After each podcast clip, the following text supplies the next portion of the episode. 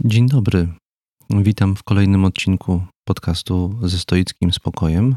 Dzisiaj chciałem Cię zaprosić do dość nietypowego odcinka.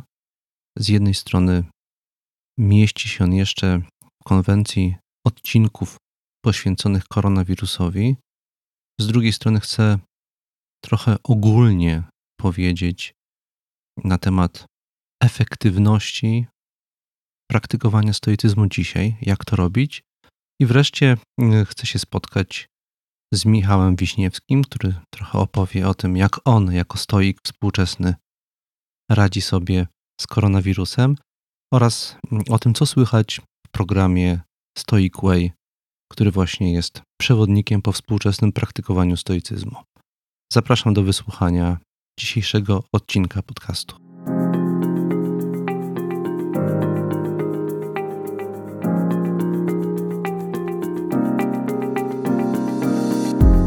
Mamy ograniczony wpływ na to, gdzie i pośród jakich ludzi żyjemy. Nie my decydujemy, co nam się codziennie przydarza. Od nas jednak zależy, jak to przyjmujemy i jakimi stajemy się ludźmi. Nazywam się Tomasz Mazur, jestem współczesnym praktykującym stoikiem i zapraszam do wysłuchania mojego podcastu ze stoickim spokojem.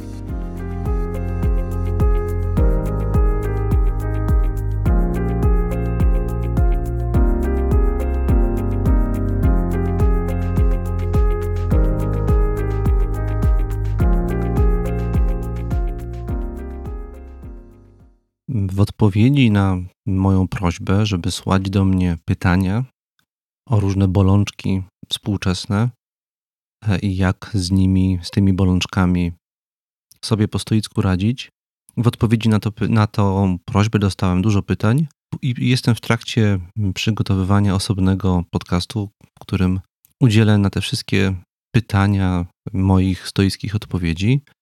Dzisiaj bardzo ogólnie tytułem wstępu i takiego wprowadzenia do tego, mm, czym się chciałbym razem z Michałem Wiśniewskim głównie dzisiaj zająć. No więc tytułem wstępu tylko chciałem powiedzieć, podzielić się moją refleksją na temat skutecznego praktykowania stoicyzmu dzisiaj e, i chciałbym ją zawrzeć, tą refleksję, w trzech pojęciach. Długo się zastanawiałem, jak streścić moje doświadczenie, doświadczenie także rozmów z wieloma ludźmi na temat współczesnego, efektywnego praktykowania stoicyzmu, jakie warunki muszą być spełnione, żeby to się udało, żeby to przyniosło trwałe rezultaty, żeby osoba praktykująca odnotowała wyraźną zmianę w swoim życiu. Dodajmy, że chodzi mi o zmianę na lepsze, zmianę, która się przejawia w poczuciu większego spokoju, większej wewnątrz sterowności, większej samoświadomości e, i szczęścia. No więc y, ja bym zawarł to w trzech pojęciach, w trzech słowach. Taką radę czy wskazówkę, jak współcześnie efektywnie praktykować stoicyzm. Po pierwsze, wszechstronnie, po drugie, uparcie, a po trzecie, czule. A więc wszechstronnie, uparcie i czule należy dzisiaj praktykować stoicyzm, tak żeby się to udało.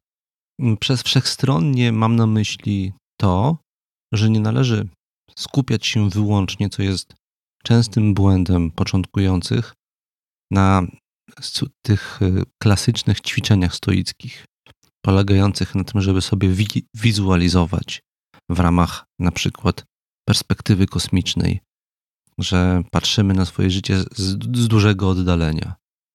Z wielu powodów takie wizualizacje będą nieskuteczne, jeżeli nie wdrożymy jednocześnie innych aspektów praktyki stoickiej.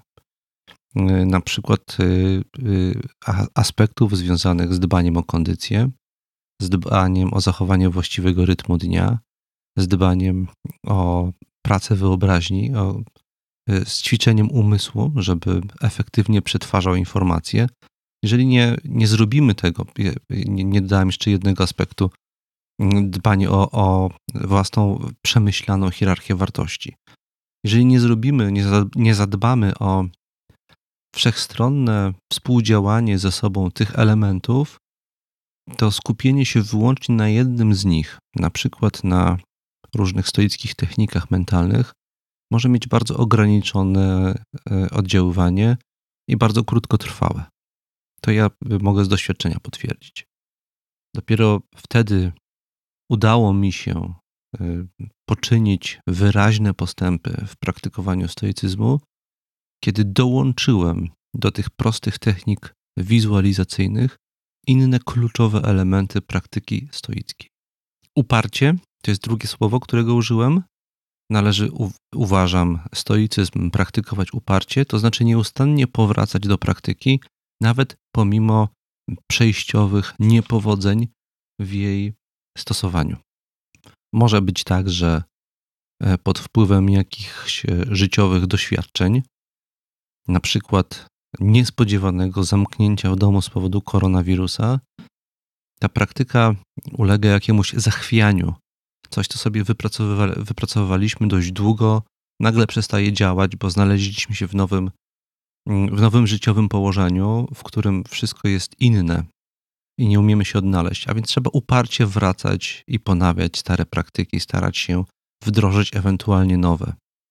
Każdy dzień jest nowy, każdego dnia zaczynamy od nowa, z nową wiarą w sercu, że nam się dzisiaj powiedzie. Tak należy też praktykować stoicyzm, traktować każdy dzień jak osobny wszechświat. Wstajemy rano i, i planujemy, jak dzisiaj będziemy praktykować, jakie są nasze dzisiejsze cele.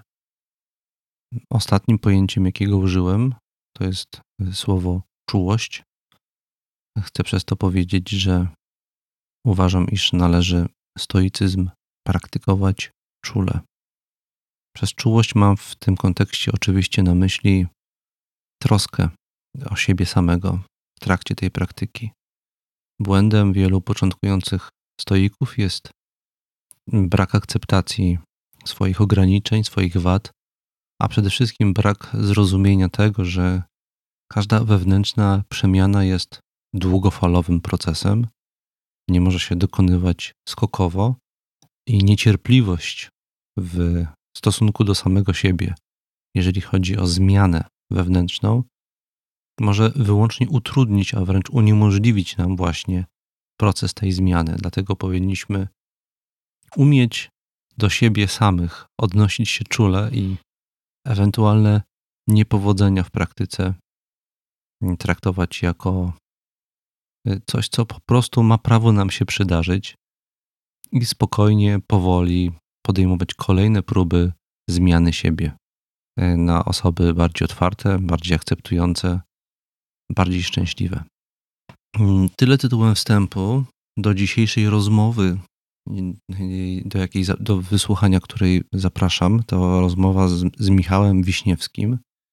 Ja przypomnę, że Michał Wiśniewski jest, był początkowo uczestnikiem różnych moich stoickich spotkań i warsztatów. Bardzo mu się to spodobało i zaczął być współczesnym praktykującym stoikiem, tak jak ja. To było wiele lat temu, 7-8, tak mi się wydaje. Obecnie potem e, Michał zaproponował mi coś. Ja miałem pomysł wszechstronnej współczesnej praktyki stoickiej i starałem jakoś się ten pomysł popularyzować. Natomiast Michał powiedział, że najlepszym sposobem, jego zdaniem, popularyzacji tego byłoby stworzenie kursu stoicyzmu online w sieci, dostępnego dla wszystkich. Za, do, do wykonania tego zadania e, się zabraliśmy i powstał e, kurs Stoic Way. Trochę dzisiaj o tym kursie Michał opowie.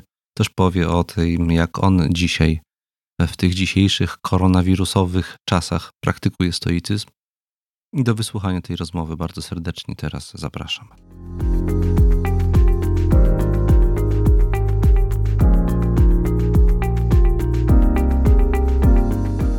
Witam bardzo serdecznie w moim podcaście Michała Wiśniewskiego, który, jak już wspominałem wcześniej, jest tego podcastu też poniekąd współautorem wiele pomysłów, które realizuje w ramach tego podcastu.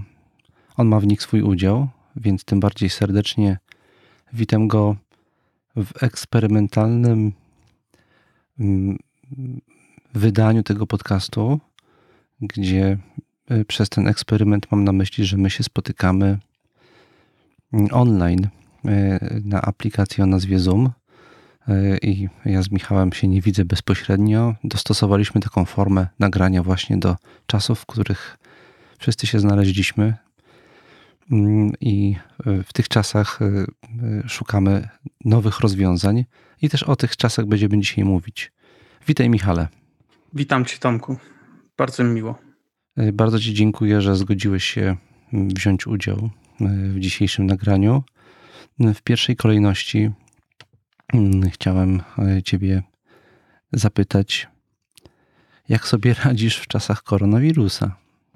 Jako stoik. No tak, ciekawe pytanie na początku. Chyba nie, nie spodziewałem się go. Warto tutaj naświetlić naszą sytuację słuchaczom, w zależności od tego, kiedy, kiedy słuchacie tego podcastu. Jesteśmy trzecim tygodniu takiej kwarantanny, czyli kiedy trzy tygodnie minęły, odkąd znajduję się w domu. Jestem zamknięty, tak jak wszyscy. Y, I mam tutaj pewną obserwację. Znaczy, przede wszystkim chciałbym y, podziękować wszystkim y, pracownikom służby zdrowia, bo to oni są teraz prawdziwymi bohaterami, ale takimi małymi bohaterami wydaje mi się są teraz wszyscy rodzice. Mhm. Ja sam jestem rodzicem.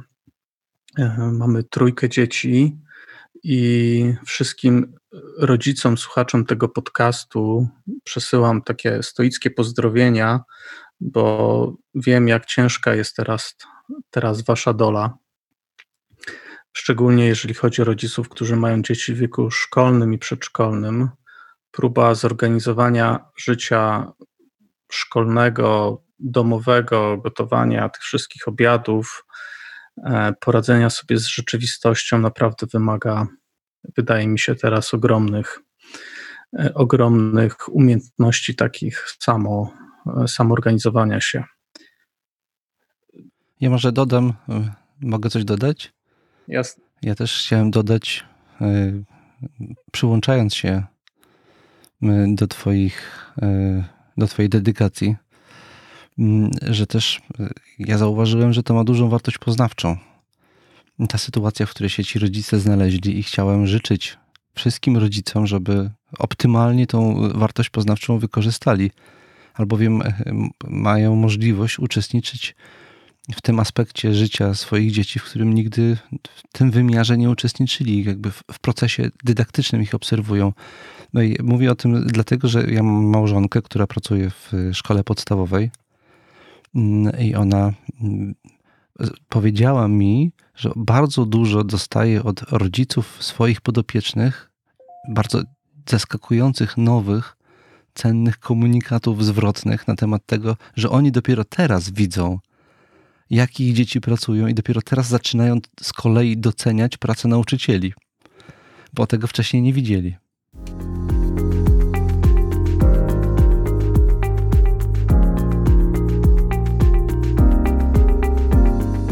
Mm, gościem jest Michał Wiśniewski. Kontynuujemy rozmowę. Przypomnę, że Michale e, opowiadałeś, rozmawialiśmy chwilę o e, tych e, osobach, które są bohaterami w tych czasach. Mm, ja to skomentowałem też w ten sposób, że mm, w różnych obszarach się dowiadujemy nowych rzeczy o świecie i o ludziach, w tym na przykład o nauczycielach.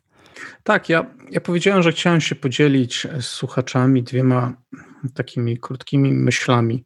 Jedna dotyczy bezpośrednio mnie, wszak pytałeś mnie, jak ja się czuję, a druga naszego społeczeństwa to jest coś, co obserwuję w mediach, prawdopodobnie dlatego, że jestem trochę na to wyczulony, a może faktycznie tak jest, może ty się ze mną zgodzisz e, lub nie, że mamy teraz e, w takim przekazie medialnym bardzo dużo stoików. Czyli y, bardzo dużo osób mówi takie rzeczy typu, jak to zdało sobie sprawę, jakim jesteśmy kruchymi istotami, jak mhm, kruche jest nasze mhm. życie, jak jesteśmy zależni od losu i że trzeba to zaakceptować. Czyli to są takie zdania przesiąknięte takimi dogmatami filozofii stoickiej, albo e, słyszę e, w rozmowach filozoficznych publikowanych na, na antenie radiowej, że oto musimy przygotowywać się na najgorsze i musimy sobie wyobrażać różne złe rzeczy, które mogą nam się teraz przytrafić, i wszelako robimy to nie po to, że one faktycznie się e, nam przytrafią, ściągniemy na siebie te złe rzeczy, ale dzięki temu uzyskamy pewien spokój czyli jakby ktoś mm, opowiadał, próbował wytłumaczyć nam, jak działa pewne ćwiczenie stoickie. I mówię o tym nawet, nie chcę tego mówić z przekąsem, a raczej z pewną,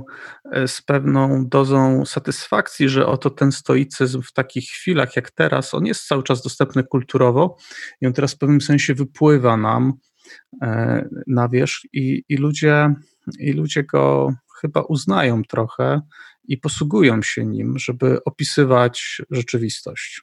Mhm, ja też to zauważyłem e, i mam takie poczucie właśnie mm, jakiegoś, jakiegoś rozdarcia albo e, ambiwalencji w stosunku do tych e, komunikatów, bo przecież jeszcze niedawno wydawało się, że takie komunikaty są zupełnie niemożliwe. Ludzie niebywale intensywnie przeżywali rzeczy, które dzisiaj wydawałyby nam się błahostkami i na każdym kroku w mediach pojawiały się określenia typu dramat, e, rozpacz, tragedia, mm, koniec, e, skandal, podczas gdy dzisiaj to ucichło trochę. Wszyscy, może nie wszyscy, ale duża część osób przybrała taką bardziej stoicką narrację i mnie to przypomina takie czasy powojenne na przykład, czy okołowojenne, gdzie ludzie są zmuszeni w sposób radykalny zmienić perspektywę.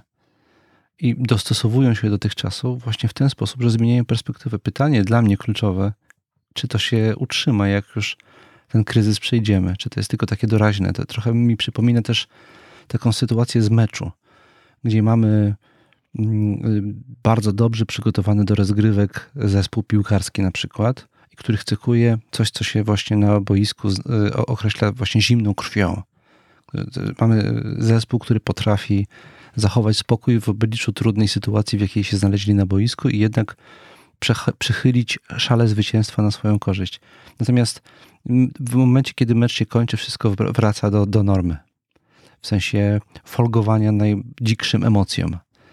E, więc ja y, y, mam takie, taką wątpliwość w sobie, czy y, to jest na dłużej, czy na dłużej będziemy z taką większą rozwagą podchodzili do rzeczywistości, z większym, takim bardziej stoickim dystansem i akceptacją nieprzewidywalności i kruchości naszej egzystencji, czy my, jak to się skończy, a kiedyś się prędzej czy później skończy, przejdziemy na tym do porządku dziennego i nie nauczymy się nic z tego, nie wyciągniemy wniosków. Przekonamy się prawdopodobnie za kilka tygodni, miesięcy. Mhm. Możemy wrócić do tej rozmowy w czerwcu, w lipcu, w sierpniu i zobaczymy, czy faktycznie coś zmieniło się w naszej rzeczywistości, czy były to tylko takie psychologiczne mechanizmy, które miały nas ochronić przed tą trwogą codzienności, którą obserwujemy w mediach. E, mam jeszcze jedno pytanie. Jak ty sobie radzisz z tym, że z bardzo wieloma osobami, z którymi normalnie spotykałeś się w tak zwanym realu i mieliście współpracę, interakcje, widzieliście siebie nawzajem we wszystkich e, zmysłowych kanałach, e, podczas gdy teraz masz bardzo ograniczony dostęp do osób, z którymi na co dzień współpracujesz, bo widzicie się tylko online. Czy tobie to jakoś doskwiera? Czy widzisz w tym jakiś zjawisko, które na dłuższą metę mogłoby być niepokojące, czy też to jest coś, co w twoim odczuciu w dzisiejszych czasach jest naturalne i, i to w wielu branżach może się stać normalnym sposobem funkcjonowania i, i prowadzenia biznesu. Jeżeli pytasz o moje życie zawodowe, ja pracuję w startupie, który działa w internecie, więc w naturalny sposób ta firma przeniosła się do, na tą komunikację internetową. Oczywiście tych bezpośrednich interakcji y, brakuje, natomiast mm, trochę uśmiechnąłem się do siebie, kiedy przeczytałem dzisiaj e, wywiad, znaczy felieton Olgi Tokarczuk przetłumaczony, ten słynny felieton z tego tygodnia, który ukazał się Frankfurten Allgemeine Zeitung, gdzie ona pisze coś takiego na wstępie, że ona z natury introwertyczka w końcu może w pewnym sensie odetchnąć, bo ten świat na zewnątrz, który jej się wydawał nieprawdziwy, w taki ekscentryczny, ekstrawertyczny świat przytłaczający emocjonalnością i tym takim przekazem, być może okaże się, że to on był E, nieprzystający do rzeczywistości, a to, co jest teraz, że jesteśmy wszyscy zamknięci, skupieni w pewnym sensie na sobie albo na naszej, na naszej najbliższej rodzinie, jest czymś bardziej normalnym niż to, co było wcześniej. Ja trochę do tego nawiązuję, bo ja jako stoik, też osoba chyba z natury trochę, znasz mnie dość dobrze, introwertyczna, dobrze się e, odnajduję w tej, tej rzeczywistości takiego duchowego odcięcia od rzeczywistości. Ja nie chcę, nie chcę ci powiedzieć, że e, czekałem na to, żeby się znaleźć w czym, czymś takim, ale no, bądźmy szczerzy, każdy stoik, który praktykuje od pewnego czasu, w pewnym sensie na coś takiego musiał się przygotować. Ten nasz trening stoicki prowadził do tego momentu, w którym jesteśmy teraz, właśnie żebyśmy mogli odnaleźć się w takiej rzeczywistości. To się wydarzyło i myślę, że my, stoicy tutaj, no nie powinniśmy narzekać, kwękać na, no, na rzeczywistość, a e, po prostu robić swoje dalej to, co potrafimy najlepiej, nie zważając na to, co się dzieje albo co, co utraciliśmy. Ja Ci bardzo dziękuję za przytoczenie e, Olgi Tokarczuk i jej spostrzeżeń. One są bardzo bliskie temu, co autor w ogóle tego podziału na introwersję i ekstrawersję, czyli Karl Gustav Jung, mm, co powiedział o naszej cywilizacji, cywilizacji zachodniej, powiedział, że jest to cywilizacja zorientowana na ekstrawertyzm, na ekstrawertyków i zmusza właściwie wszystkich do, do ekstrawertycznego sposobu funkcjonowania, co jest bolesne dla introwertyków. To takie konieczność dostosowania się do życia cały czas na zewnątrz, w ciągłym pędzie, załatwienia różnych spraw, w, w kontaktach z bardzo dużą ilością ludzi, co nie jest naturalne dla człowieka, ewolucyjnie rzecz biorąc, że to dla introwertyków jest bardzo bolesne. E, I może dzisiaj właśnie to, co się teraz dzieje, może jest początkiem przełomu w stronę cywilizacji introwertycznej bardziej przynajmniej to, co powiedziałeś, tak mogłoby brzmieć. Ja tylko skomentuję jeden zwrot, którego użyłeś jeszcze, bo ty powiedziałeś, że to jest odcięcie się, ale właśnie to y, z tego, co pisze Tokarczuk, to jest y, nie, nie tyle odcięcie się, co dostęp też jednoczesny do innej rzeczywistości, tej, w której ty się lepiej czujesz, w której introwertyk lepiej funkcjonuje. Tak, mi się przypomina taka książka, którą kiedyś czytałem, Susan Kane, Ciszej ona się bodajże nazywała, o tak, tak, sile tak. introwertyków w biznesie, gdzie ona pokazywała, że jednak e, ci introwertycy, który, którzy statystycznie są w mniejszości, e, niewielkiej mniejszości, ale wciąż e, mniejszości, w wielu firmach muszą w pewnym sensie dostosowywać się i cierpieć pewne ekstrawertyczne zachowania, które są promowane w firmach. I dopiero my teraz widzimy, w jaki sposób to, to działało, kiedy, teraz, kiedy to wszystko ucichło i intrawertycy mogą powiedzieć, że w końcu odnajdują się w, w, tej, w tej, tej ciszy i, i, i odcięciu.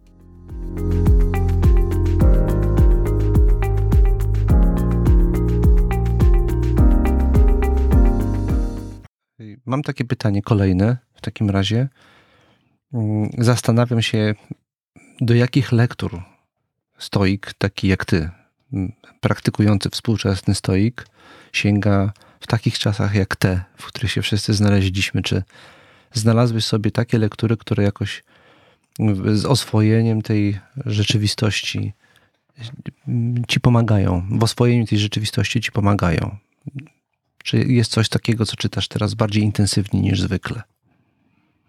Tak, wróciłem do dwóch książek, bardzo mi bliskich mm, mhm. i serdecznie chciałbym je zarekomendować słuchaczom Twojego podcastu. Jedna to jest Henry David Thoreau Walden. To jest na pewno znana Ci bardzo dobrze e, opowieść XIX-wiecznego amerykańskiego e, pisarza, filozofa, nauczyciela, e, jednego z uczniów e, słynnego Emersona, który był przewodnikiem takiego koła naukowego.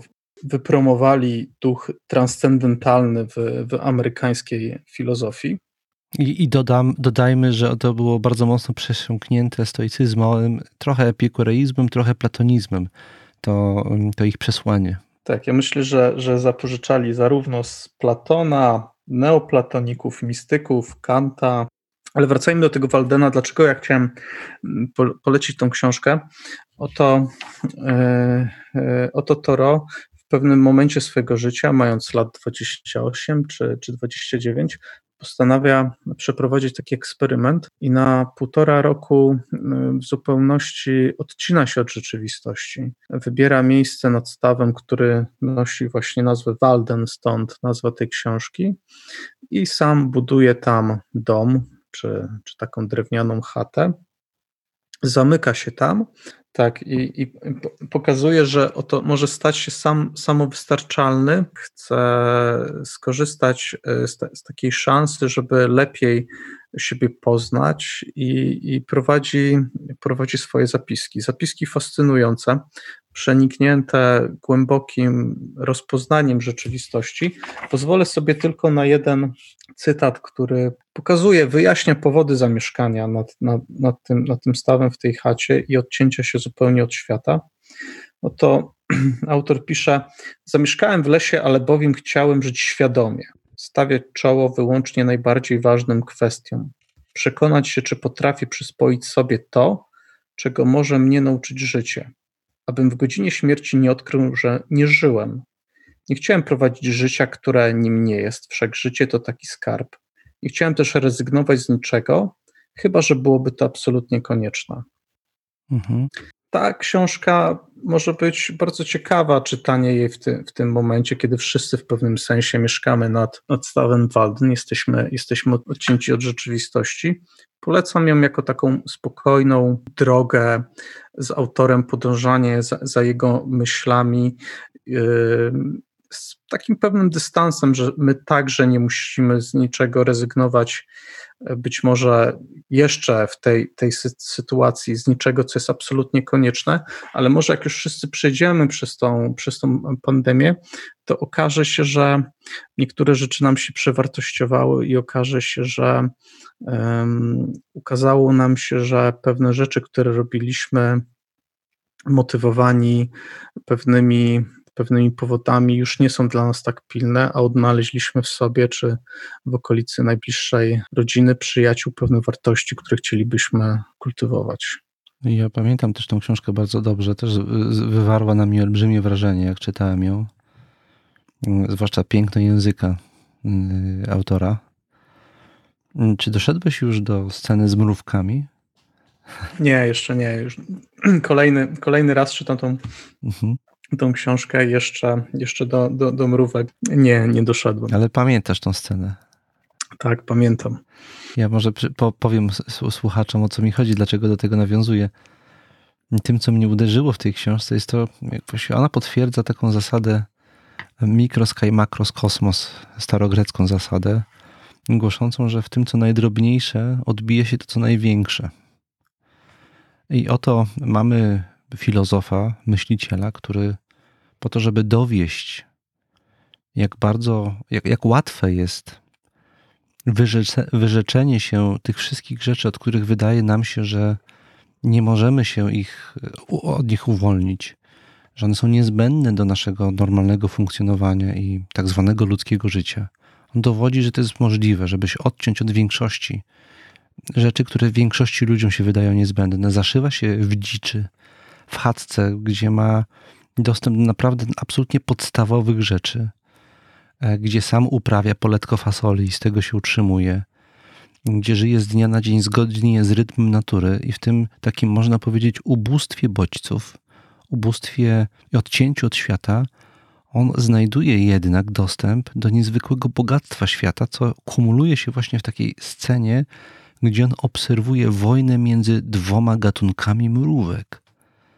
I on tam widzi właściwie w pigułce esencję całej rzeczywistości. To opisuje tak, jakbyśmy, jak czytamy ten opis, on jest tak bogaty, tak nasycony, tak dynamiczny, tak emocjonujący, jakbyśmy y, czytali opis jakiejś niebywale istotnej w historii ludzkości bitwy, od której o troje, zależą o troje, od której zależą następne, dalsze losy świata.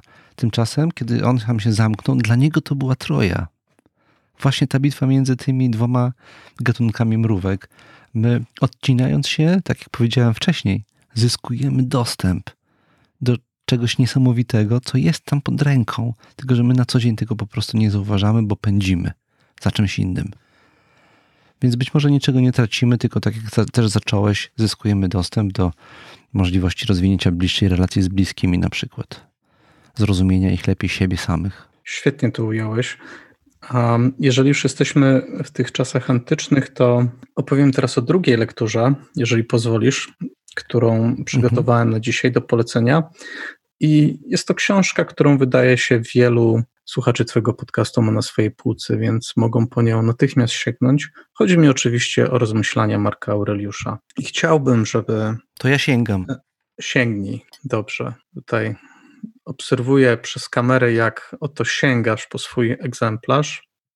A dlaczego rozmyślania? Chciałbym, żeby spojrzeć na, na rozmyślania zupełnie nowej perspektywy. E, chciałbym, żeby słuchacze pomyśleli o tej, o tej książce jako pewnego rodzaju dzienniku, ale także poradniku, w jaki sposób przetrwać w duchowy sposób zarazę. Wszak mm, czasy, kiedy powstawały te, te prywatne zapiski Marka Aureliusza, które później zostały zebrane jako, jako rozmyślania do, do siebie samego, przypadają na okres, który historycy nazywają czasem, kiedy szalała wszak plaga Antoninów. Antoninów chodzi oczywiście o rodowe nazwisko między innymi Marka Aureliusza, także e, poprzedników jego na, na tronie cesarskim. I w tamtym okresie, pomiędzy rokiem 160 a 180, w, w imperium szalała e, zaraza, która przyniosła śmierć nawet 7-8 milionom obywateli. Prawdopodobnie była to ospa. Niektórzy badacze mówią, że to była odra.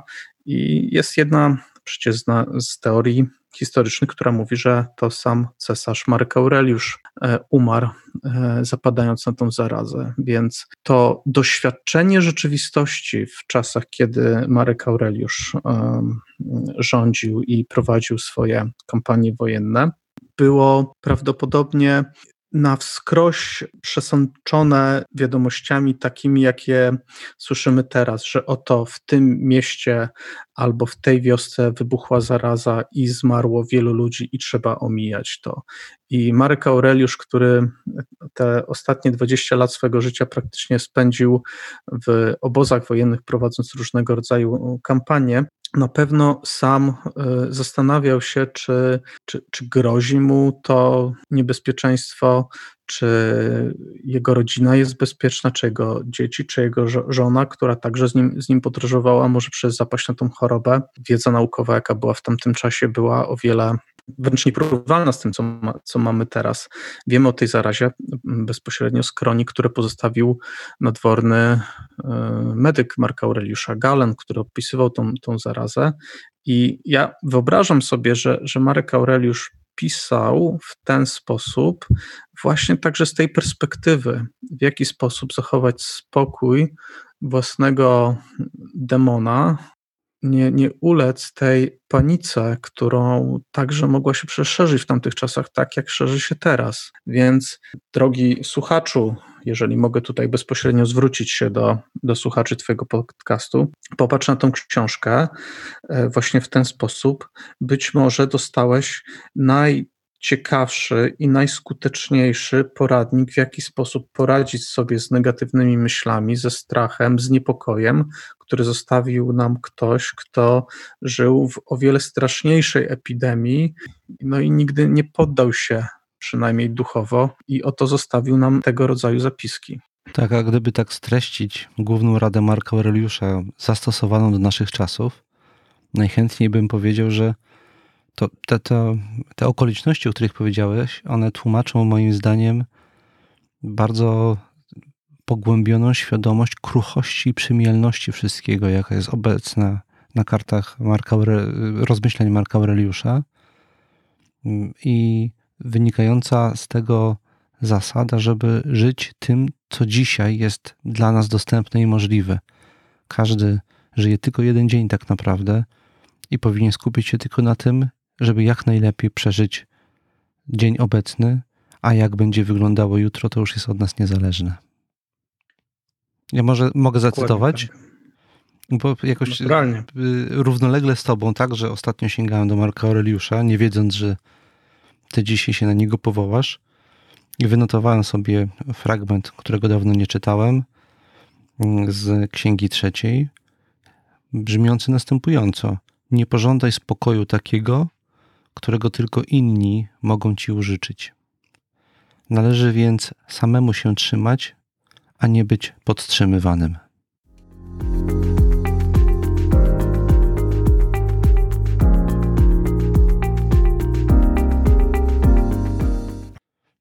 To rozumiem. E, porozmawialiśmy o książkach, które, jak się okazuje, razem te same książki czytamy. Mm, a powiedz mi, e, czym się zajmujesz poza pracą zawodową, którą oczywiście, jak już powiedziałeś, realizujesz zdalnie i jest to jakoś kompatybilne z Twoją introwersją. Mm, czym poza tym się zajmujesz? E, wiem, ale to wiem, czym się zajmujesz, ale chciałbym, żebyś ty to powiedział.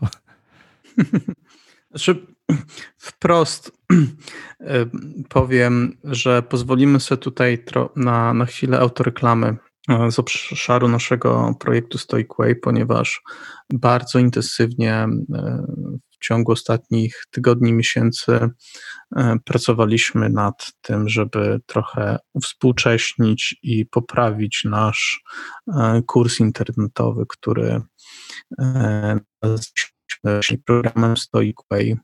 Oczywiście on, on, może się tak, możemy w ten sam sposób o nim, o nim teraz mówić.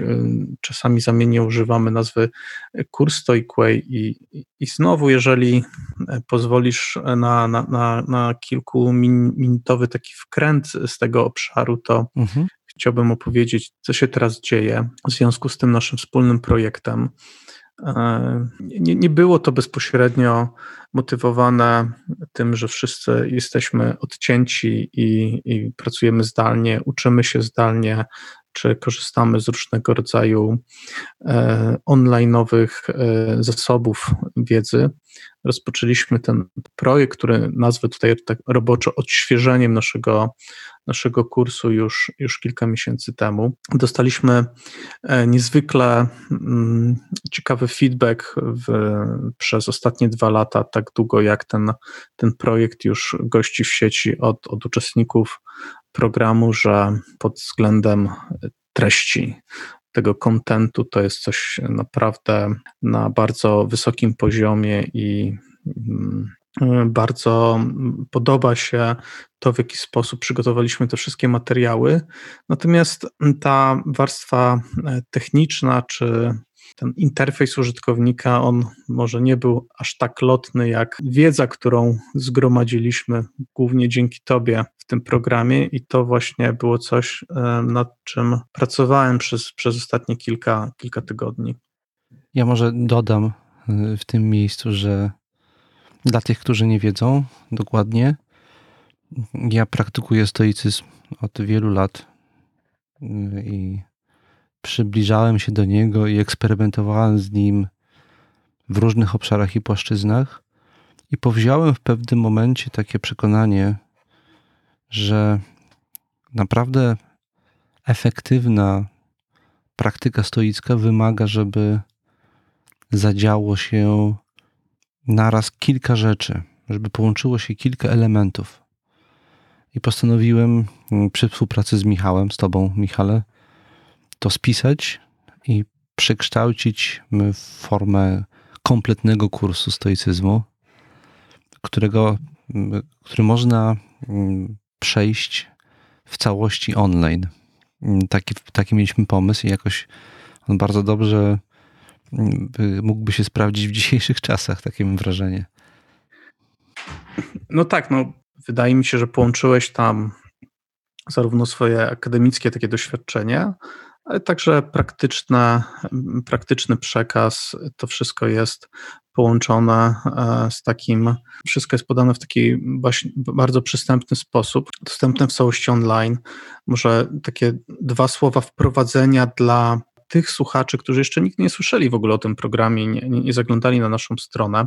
E, my mówimy tutaj o autorskiej e, metodzie pracy w duchu stoickim, podpisanej przez, przez zespół Stoic Way, no ale w dużej mierze przecież dostarczonej i zaprojektowanej przez ciebie.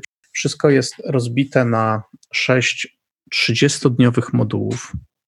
Ja pamiętam, że kiedy spotkaliśmy się prawdopodobnie e, dwa, trzy lata temu kiedy, kiedy zastanawialiśmy się, w jaki sposób my możemy E, przygotować pewną formę edukacji stoickiej we współczesnych czasach w internecie, w czasach, kiedy praktycznie wszystkie treści w internecie można już e, znaleźć, są dostępne, czy to na YouTubie, czy to na e, takich platformach szkoleniowych. Powiedziałeś wtedy, że chcesz to zrobić na serio, na poważnie, chcesz zrobić coś, co, gdzie nie będziemy owijać w bawełnę, że droga, którą proponujemy, jest dość wyboista.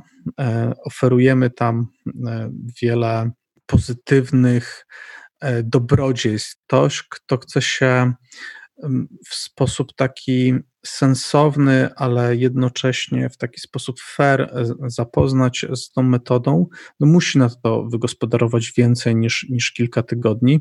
Dlatego wszystko zostało rozbite na 180 dni pracy w duchu stoickim, gdzie te wszystkie materiały, zarówno wykłady, które są nagrane w formie wideo oraz audio, w formie takich podcastów, szczegółowo rozpisane lekcje, zadania, które, w których omawiasz różnego rodzaju reguły, metody czy, czy ćwiczenia stoickie oraz Twój autorski zestaw lektur, które są dostępne wszystkie w formie cyfrowej i inne prezentacje wideo to wszystko jest w taki nienachalny sposób e, rozpięte w tych 180 dniach, tak żeby człowiek mógł e, spokojnie w tą drogę wyprawić się wraz z nami i nie narzekać, że z jednej strony ona już się skończyła, bo trwała tylko 2-3 tygodnie, tak jak w, w, wielu kursach, a z drugiej strony jest jakiś realny termin, kiedy każdy może z nas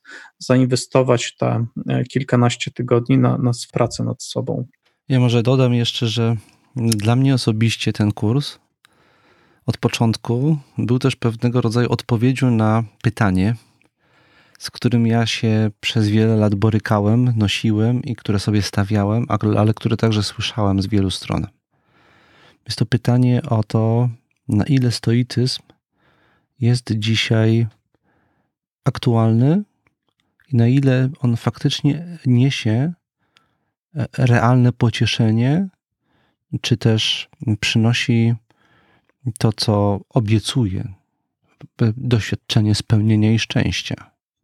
Na ile dzisiaj jest to y, przekaz, który może dotrzeć do współczesnego człowieka? To jest to pytanie, z którym ja y, y, jakoś żyłem od czasów studiów mm, i miałem to poczucie, że bardzo wiele osób nie rozumie stoicyzmu, bo ma do niej, do stoicyzmu dostęp bardzo śladowy, cząstkowy, fragmentaryczny. Nie wystarczy poczytać tekstu antycznego stoika, wyjęty, który jest wyjęty z kontekstu pewnej praktyki zazwyczaj. Nie wystarczy potestować na sobie okazjonalnie kilku znanych ćwiczeń stoickich, które są umieszczane w różnych współczesnych opracowaniach. Nie wystarczy poznać stoicką teorię, tego, jaki jest świat i jakie miejsce w tym świecie zajmuje człowiek. Y, a mam, jestem przekonany, że większość osób, które miały jakiś kontakt z stoicyzmem jakikolwiek do tej pory, to właśnie od jednej z tych stron to miało miejsce I na tej podstawie oni sobie wyrabiali przekonanie, czy stoicyzm jest efektywnym i skutecznym sposobem na radzenie sobie z wyzwaniami współczesności, czy nie. Czy stoicyzm jest realną ofertą dla współczesnego człowieka, czy nie. Ludzie wyrabiają sobie opinię o stoicyzmie na podstawie takiego doświadczenia.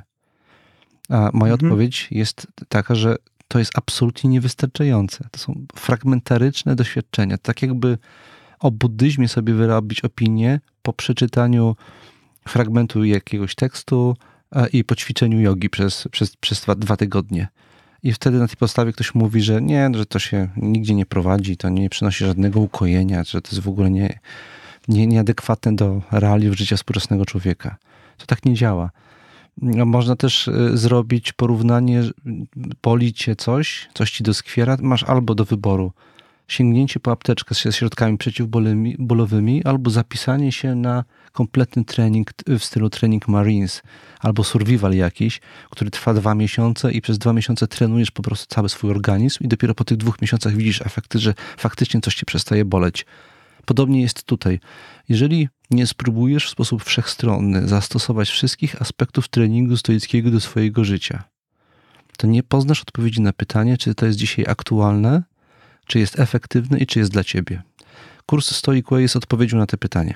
I wydaje mi się, że to jest właśnie najważniejsze, bo pamiętam, co nam tak dobrze to ująłeś, co nam przyświecało. Pamiętam swój sposób myślenia wtedy, kiedy, tworzy, kiedy intensywnie pracowaliśmy nad tym kursem, bo przez wiele, wiele lat, kiedy prowadziliśmy, uczestniczyliśmy w różnego rodzaju spotkaniach filozoficznych, wtedy jeszcze w ramach Centrum Praktyki Stoickiej, wiele osób pytało nas, no dobrze, no to fajnie, no ta, ci, ci stoicy byli tacy fajni, tacy mądrzy, ale wy tak wiele mówicie o tej praktyce, że to trzeba praktykować, ale to jak wy praktykujecie? I to, I to nam zawsze umykało, bo tego się nie, nie, nie, nie dało wytłumaczyć w jednym, w jednym zdaniu i za, zawsze byliśmy od tego w, w jakiś sposób oddaleni i ten... Jeżeli mogę ci przerwać, teraz mi natchnęła jedna rzecz po tym, co powiedziałeś. Problem chyba ze stoicyzmem trochę polega na tym, że bardzo często i bardzo ciężko jest pokazać stoicką praktykę, tak jak można pokazać jakieś ćwiczenia. Dzisiaj w wiadomościach widziałem, jak ktoś radził ludziom, jak robić brzuszki dobrze, mm, żeby nie zaszkodzić sobie na kręgosłup. Tak? To się da pokazać. Da się po, zrobić nagranie, na którym to pokazujesz. Natomiast ćwiczenia stoickie wymagają zwizualizowania czegoś, e, czego bardzo wielu ludzi nie ma w ogóle i najpierw trzeba im to zrobić, jeżeli mogę tak się wyrazić. To tak jakbyś mm, e, e, próbował pokazać komuś brzuszki za pośrednictwem radia. Rozumiesz? Tę mhm. metaforę, tak? Jakby nie tak. masz narzędzia wizualnego, żeby pokazać coś, a musisz to jakoś, jakoś przedstawić. Wydaje mi się, że ze stoicyzmem mamy podobną sytuację, że musimy najpierw wytworzyć w człowieku, który chce tego doświadczyć i popróbować, przestrzeń, w której on może zobaczyć pewne rzeczy. I istotą tego kursu jest to, że ona wytwarza tę przestrzeń, i dopiero w tej przestrzeni my możemy zacząć robić pewne ćwiczenia i zobaczyć, czy one faktycznie działają. Bez tej przestrzeni nie wiemy, czy dobrze robimy te brzuszki. Prawdopodobnie źle. Tak więc bardzo, bardzo polecamy i zapraszamy do, na naszą stronę stoicway.net. Startujemy już za kilka, e, kilkanaście dni. Na pewno w naszych e, mediach społecznościowych będziemy, będziemy jeszcze o tym mówić, że oto mamy tą nową stronę z nowym interfejsem użytkownika, bardziej, bardziej przyjaznym. Michał, a tak e, kończąc już trochę, czy tobie się udaje zostawać u siebie? Czym to, to dla ciebie to hasło by było? Na czym by to u ciebie polegało? Goszczę u siebie każdego, każdego wieczoru w trakcie wykonywania przeglądu siebie. E, rozgaszczam się tam w bardzo wygodnym miejscu i prowadzę taki dziennik, własne e, rozmyślania z czasów zarazy i, i dokumentuję to, co się u mnie dzieje i jak to z, ode mnie, ze środka wszystko wygląda. I polecam wszystkim, żeby odważyli się robić to samo, bo być może za, za kilka miesięcy, kilka lat, e, kiedy to wszystko już e, uspokoi się, e, wrócimy do tych naszych zapisków siebie i, i dowiemy się czegoś ciekawego o sobie. Ja zwierzę się, że uświadomiłem sobie ostatnio, że dla mnie to pozostanie u siebie to też oznacza taką aktywność porządkowania sobie w głowie. Ja czytam e, i piszę cały czas różne rzeczy e, i wydaje mi się, że najbardziej jestem u siebie, kiedy czytając nagle napotykam się na jakieś pytanie, które gdzieś rezonuje z jakimiś moimi dawniejszymi przekonaniami, ujawniając jakieś potencjalne zgrzyty między nimi. I ja zaczynam wtedy wchodzić w siebie i sobie to układać, zastanawiać się, z czego to się wzięło. Niedawno miałem takie spotkanie online z grupą stoicką Joli. Mhm. Serdecznie tę grupę pozdrawiam. Tam 20 osób e, się z nami, ze mną spotkało. I pozdrawiamy Jola. Pozdrawiamy Jolę i całą grupę e, polemicznego klubu stoickiego Joli. Mm, to było bardzo intensywne spotkanie. My komentowaliśmy tekst Seneki e, o szczęściu, o życiu szczęśliwym, przepraszam. Ja czytając ten tekst, przypomniałem sobie coś, o czym dawno w kontekście stoicyzmu nie myślałem, i to przypomnienie sprawiło, że uzmysłowiło sobie, że o pewnej ważnej rzeczy zapomniałem i ona jakby nie działa u mnie. I zacząłem się zastanawiać, dlaczego nie działa, dlaczego o tym nie pamiętałem, jakie to ma znaczenie. Ten tekst y, y, kilka razy analizowałem właśnie pod tym kątem, i dla mnie to jest kwintesencja przebywania u siebie. Właśnie to doświadczenie takiego pogłębionego myślenia nad przesłankami swoich przekonań i działań. I tego życzę bardzo serdecznie wszystkim słuchaczom, żeby w ten sposób też byli u siebie. No. A ja już ze swojej strony tej Michałowi bardzo serdecznie chciałem podziękować. Bardzo dziękuję. Cała przyjemność po mojej stronie. No i może do następnego razu. Nie wykluczam, że jak się pojawi jakiś temat, y, to jeszcze się spotkamy i porozmawiamy. Bardzo Ci dziękuję. I powodzenia dziękuję. w byciu u siebie. Dziękuję bardzo. Pozdrawiam wszystkich słuchaczy podcastu ze stoickim spokojem. Dzięki.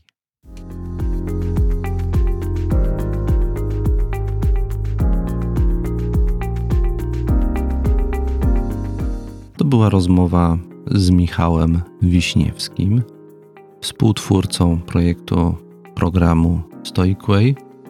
Za wysłuchanie dzisiejszego odcinka podcastu e, wszystkim bardzo serdecznie dziękuję i oczywiście zainteresowanych zapraszam do przetestowania próbnie pierwszych części, pierwszych modułów programu Stoicway żeby zobaczyć, y, jak Wam to leży, czy ten styl pracy nad stoicyzmem i nad sobą odpowiada Wam i jest czymś wartym podjęcia. Y, jednocześnie zapraszam do słuchania kolejnych odcinków podcastu ze stoickim spokojem. Do usłyszenia.